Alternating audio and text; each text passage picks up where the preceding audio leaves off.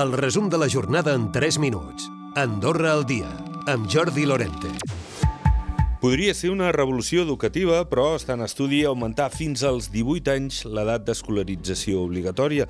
N'han parlat eh, dins el Pla Nacional de l'Infància i l'Adolescència. Abans, això sí, s'haurà de fer efectiu un ventall d'estudis encara més ampli, com explicava la ministra d'Educació i Ensenyament Superior, Esther Vilarrubla. Començar fent l'obligatorietat sense trobar l'encaix de cada un dels joves era abocar-los al fracàs dos anys i fer patir uns joves a dins d'un sistema escolar que potser no era el, millor per ells. Per tant, ampliem l'oferta, busquem itineraris més personalitzats que donin resposta a diferents perfils i, i de resposta a nivells de necessitats del mercat laboral i a partir d'aquí creem l'obligatorietat. L'educació sexual, el transport i la xarxa entre famílies són altres punts que es volen potenciar.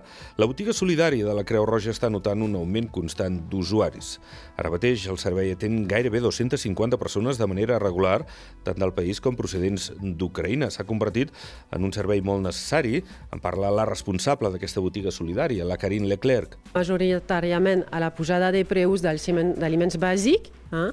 I, i també hi ha famílies que tenen dificultat per arribar a final de mes i que necessiten puntualment una petita ajuda gent sola i, i jove i també tenim famílies i famílies monoparental. Les xifres inicials de 76.000 visitants al pont tibetà i d'una recaptació d'un milió d'euros segurament se superaran.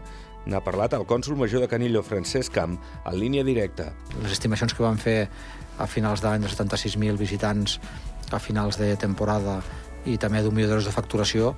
Eh, evidentment, ara no, no estem en aquestes xifres, però, però bueno, tot apunta que les complirem amb escreix a finals, de, a finals de, a finals de temporada i, i les previsions que vam fer fins a finals de setembre les superarem segur.